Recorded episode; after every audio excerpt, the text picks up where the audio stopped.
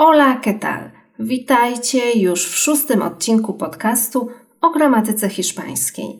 Nazywam się Małgorzata Kawczyńska, jestem nauczycielką języka hiszpańskiego, autor konkursów online i innych materiałów edukacyjnych. Ten podcast pomoże rozwiać Wasze wątpliwości gramatyczne.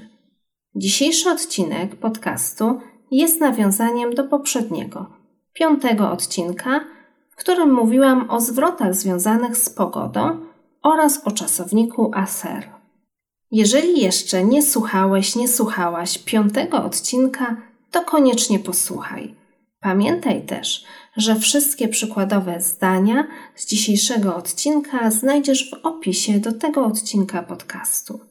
W piątym odcinku podcastu o gramatyce hiszpańskiej pojawiły się zwroty takie jak jest ładna pogoda, jest brzydka pogoda, jest wiecznie i tym podobne.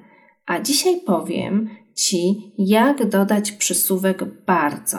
Na przykład, jak powiedzieć jest bardzo ładna pogoda albo jest bardzo wiecznie. I dlatego w niektórych zdaniach pojawi się hiszpański przysłówek mój, a w innych mucio. I doszliśmy teraz do tematu tego odcinka podcastu, czyli dowiecie się, kiedy należy użyć mój, a kiedy mucio. Przysłówek mój stosujemy przed przymiotnikami. Tutaj to będzie mal albo błen. Natomiast przysłówek mucio stawiamy przed rzeczownikami. Tutaj to będą rzeczowniki takie jak calor, frio, viento. Powtórzę jeszcze raz. Przysłówek mój stosujemy przed przymiotnikami. Tutaj to będzie mal albo błen. Natomiast przysłówek mucio stawiamy przed rzeczownikami i tutaj to będą rzeczowniki takie jak calor, frio, viento. Zobaczmy przykłady. Przykład z przysłówkiem mój. Jest bardzo ładna pogoda to po hiszpańsku hace muy buen tiempo.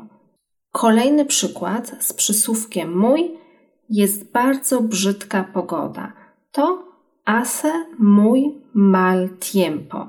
A teraz przykłady z mucio. Jest bardzo gorąco. To hace mucho calor. Jest bardzo zimno. Hace mucho frio. Jest bardzo wiecznie. Hace mucho viento. Przysłówek mój może jeszcze występować przed przysłówkami. Przykład. Bibo mój aquí. Mieszkam bardzo blisko stąd. Natomiast przysłówek mucio może jeszcze występować po czasowniku i wtedy pełni funkcję przysłówka. Przykład. Mi hija no come mucho. Moja córka nie je dużo. Mam nadzieję, że informacje z tego odcinka były przydatne. Postaraj się zapamiętać przykładowe zdania. Znajdziesz je również w opisie do tego odcinka. Muchas gracias. Bardzo dziękuję za uwagę. Zapraszam do wspólnej nauki tutaj, jak i na kursach online. Zapoznaj się z opisem do tego odcinka podcastu i do usłyszenia.